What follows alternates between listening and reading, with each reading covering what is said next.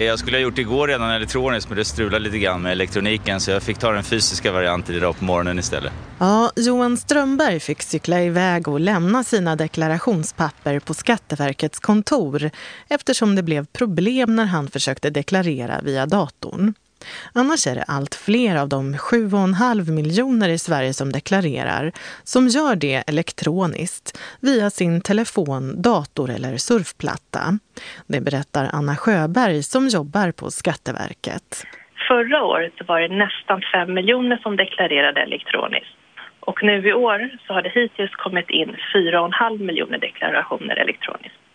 Vad finns det för fördelar med att deklarera på det sättet? För det första så får man sina pengar redan i juni. Och sen så är det enklare och säkrare.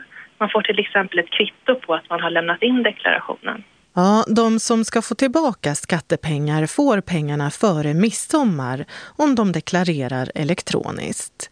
Så det är ett snabbt sätt att godkänna sin deklaration på för de som deklarerar så här sista dagen och inte behöver göra några ändringar i de siffror som Skatteverket har räknat ut.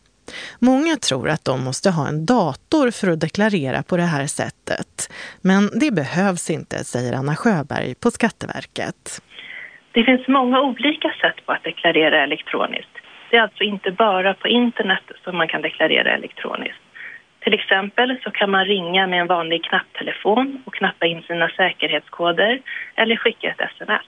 Och på Skatteverkets hemsida går det att både se filmer och läsa om hur det går till att deklarera elektroniskt. Ja, vi har tydliga instruktioner om hur man gör på vår webbplats.